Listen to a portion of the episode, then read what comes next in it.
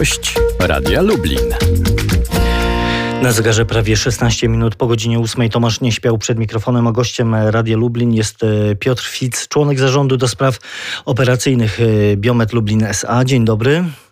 Dzień dobry, panie redaktorze. Zacznijmy od, e, jednak od sprawy e, mało przyjemnej, która znalazła swój finał e, w prokuraturze. Chodzi o anonimowe doniesienia, które pojawiły się w internecie. Doniesienia, które mówiły o rzekomych kłopotach lubelskiego biomedu, o zwolnieniach grupowych, trudnej ogólnie sytuacji finansowej, czy wręcz o upadłości, czy zbliżającej się upadłości firmy.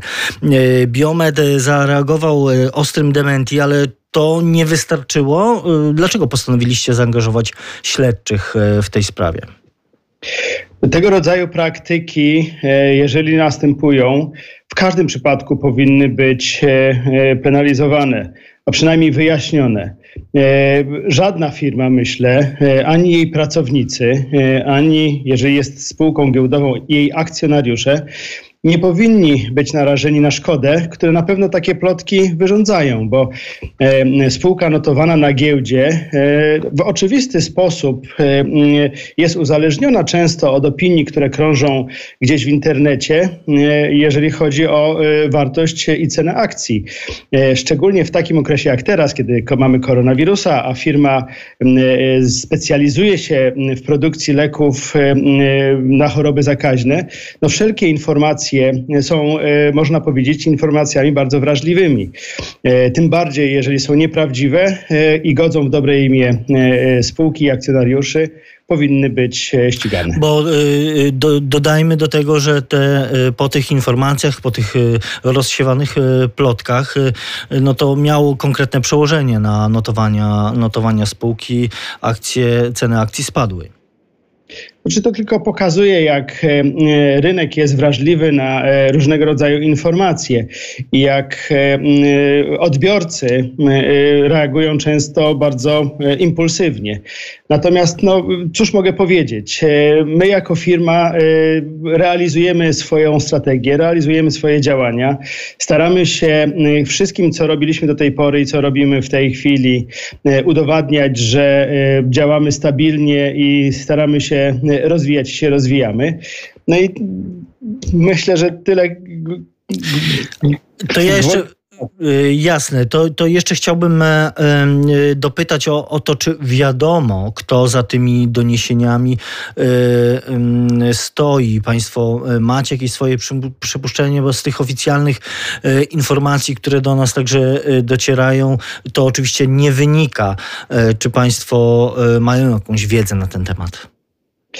E, no, nawet gdybyśmy mieli, to, to jest wiedza niesprawdzona. E, dlatego właśnie zawiadomiliśmy prokuraturę, żeby formalnie i oficjalnie zbadała i stwierdziła, kto stoi za fałszywymi oszczerstwami i oskarżeniami e, wobec Wioledu. To jeszcze kwestia może taka bardziej branżowa, ale to też się pojawiło i chciałbym o to zapytać, bo w, w rozmowie z Dziennikiem Wschodnim prezes Piruk, prezes Biomedu mówi, że w związku z jakby z tą całą sprawą.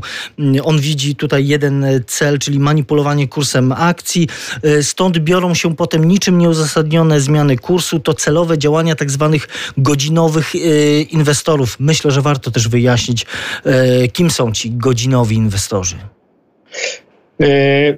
W sytuacjach szczególnych, e, czy to są sytuacje dotyczące całego kraju, czy jeszcze szerszego e, otoczenia, czy jakiejś konkretnej firmy, e, no, są firmy, które specjalizują się analizując sytuację i wchodząc bardzo szczegółowo w branżę i w zagadnienia, którymi zajmuje się dana firma, potrafią e, e, analizować i później manipulować kursem dzięki temu, że mają ogromne zasoby finansowe.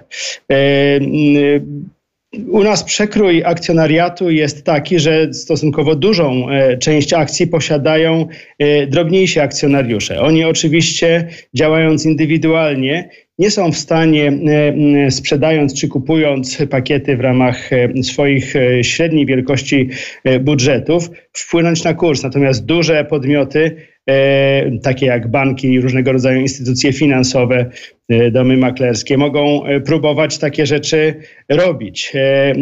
I no, takie sytuacje właśnie się dzieją, gdzie z dnia na dzień, niemalże z godziny na godzinę, poprzez bądź kupowanie, bądź sprzedawanie dużego pakietu akcji danej spółki e, manipuluje się e, kursem. E, I to najprawdopodobniej ma miejsce również w przypadku biomedu, bo sytuacja z koronawirusem i wyczekiwanie wszystkich na kolejne informacje odnośnie leku z osocza, którego pierwszą partię teraz do badań klinicznych produkujemy, no na pewno jest ogromne, a więc i wrażliwość na wszelkiego rodzaju informacje też bardzo duża. I Czyli, tak samo. Czyli raczej nie należy się spodziewać, że chodzi o jakieś przypadkowe działania, tylko raczej e, działania z premedytacją przygotowane, e, ukierunkowane na konkretny cel. Czy panie redaktorze, no to, to sprawdzi prokuratura. Rozumiem, że pan cały czas odnosi się do tego oszczerstwa, które się pojawiło w internecie. E, nam jest trudno to ocenić. Równie dobrze może to być działanie celowe i może to być element jakiejś układanki gry e, finansowej. Równie dobrze może to być po prostu gorąca głowa któregoś z internautów, które, którejś z osób, które śledzi fora. Co ważne, ktoś, kto się podszywa też pod pracownika biomedu. No, dzisiaj w mediach podszywają się ludzie pod bardzo różne rzeczy, pod bardzo różne osoby, e, instytucje. E, myślę, że i państwo w swoim fachu, i my jako obserwatorzy mediów nieraz już żeśmy widzieli podszywanie się pod kogoś innego. E, to prawda. No właśnie, to skoro rozmawiamy o tej sytuacji firmy i to wypłynęło, no to zapytam o realną kondycję finansową Biomedu. Państwo opublikowali raport finansowy za pierwsze półrocze e, tego roku. No i wynika z e, tego raportu, że Biomet poprawił swoje wyniki finansowe. Tak, e, wyniki zostały opublikowane za pierwsze półrocze 2020. Rzeczywiście był to bardzo wymagający czas, dlatego że no, w okolicach marca, kwietnia zaczęliśmy już odczuwać, mówię jako gospodarka, bardzo silnie skutki e, koronawirusa. I nasza firma no, funkcjonowała w tej rzeczywistości i musiała również jej stawić czoła. To, że produkujemy leki, nie oznacza, że w sytuacji zagrożenia chorobowego e, firma farmaceutyczna jest całkowicie e, bezpieczna, jeżeli chodzi o stabilność funkcjonowania. Natomiast rzeczywiście udało się tak zarządzić działaniami, że zarówno sprzedaż, jak i zysk operacyjny w stosunku do zeszłego roku są lepsze. Organizacja działa płynnie, bo jednym z naszych e, celów i wielką troską było utrzymanie ciągłości produkcji i nieprzywleczenie koronawirusa do firmy, co groziłoby po prostu czasowym zatrzymaniem e, produkcji. Rzeczywiście firma stabilnie rośnie i jak na te czasy e, myślę, że możemy być do tej pory usatysfakcjonowani tym wynikiem. To jeszcze chciałem w takim razie zapytać, bo wspomniał Pan o, o e, pracach e, związanych e, z produkcją leku na COVID-19, no bo to jest ten moment, w którym o, też o biomedzie słyszy właściwie nie tylko cała Polska, ale i można powiedzieć cały świat. Biomed no, włącza się w ten wyścig związany ze zwalczaniem pandemii. Na jakim etapie są obecnie prace związane z produkcją leków? W którym miejscu jesteście? E, produkcję, e, o czym informowaliśmy, e, rozpoczęliśmy 18 sierpnia. Jest to produkcja pierwszej partii leku do badań klinicznych, które po zwolnieniu leku pod koniec roku się rozpoczną. My w tej chwili jesteśmy E, niedługo przed tak zwanym rozlewem produktu do ampułek, e, czyli niedługo otrzymamy tak zwany produkt finalny. Będziemy mogli poinformować, mam nadzieję, o e, skutecznym zakończeniu produkcji i o tym, że no, jest gotowy lek, który możemy przekazać e, do badań klinicznych po e, zwolnieniu go przez nasze mm, laboratorium kontroli jakości. E, ten moment, w którym lek miałby szansę trafić do takiej szerokiej produkcji, czyli trafić już konkretnie do, do pacjentów czy na półki aptek, to o jakiej perspektywie czasowej mówimy? Kiedy, kiedy jest na to szansa realnie? Czy tutaj y, zwrócę uwagę na dwie kwestie, jeśli pan redaktor pozwoli. Y, jedna, y, no to jakby wyliczanka matematyczna wynikająca z pewnego planu, harmonogramu badań klinicznych, później ewentualnie spodziewanego harmonogramu działań rejestracyjnych. Pamiętajmy, że branża medyczna i dopuszczanie leków do obrotu są procedurami bardzo uregulowanymi. Chodzi o zdrowie i życie ludzkie. Widzimy, jak gorąca jest dyskusja wokół szczepionki, która e, już miała się pojawiać nagle firma, która ją produkuje, e, e, czy która przygotowuje się do jej wprowadzenia, ogłosiła, że przerywa badania, bo stwierdziła jej działania uboczne. Także matematycznie ten proces potrwa jeszcze kilkanaście miesięcy.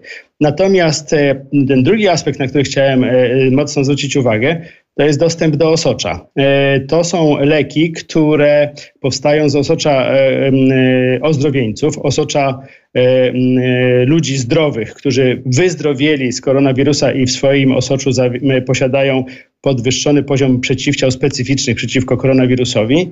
I jeżeli będziemy mieli dostęp do mm, wystarczającej ilości osocza, no to ten lek będzie się systematycznie mógł pojawiać e, w sprzedaży po dopuszczeniu go do obrotu. Natomiast e, no, nie od nas zależy kwestia osocza, bo ono może być tylko i wyłącznie pobierane e, po pierwsze w regionalnych centrach krwiodawstwa, a po drugie muszą być e, dawcy, którzy wolontarystycznie to osocze oddają.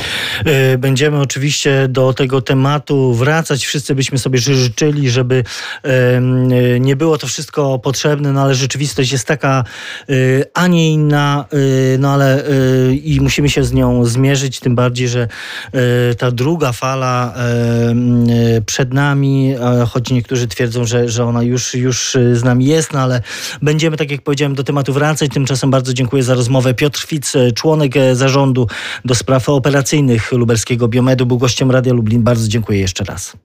Dziękuję bardzo. Tomasz Nieśpiał, do usłyszenia.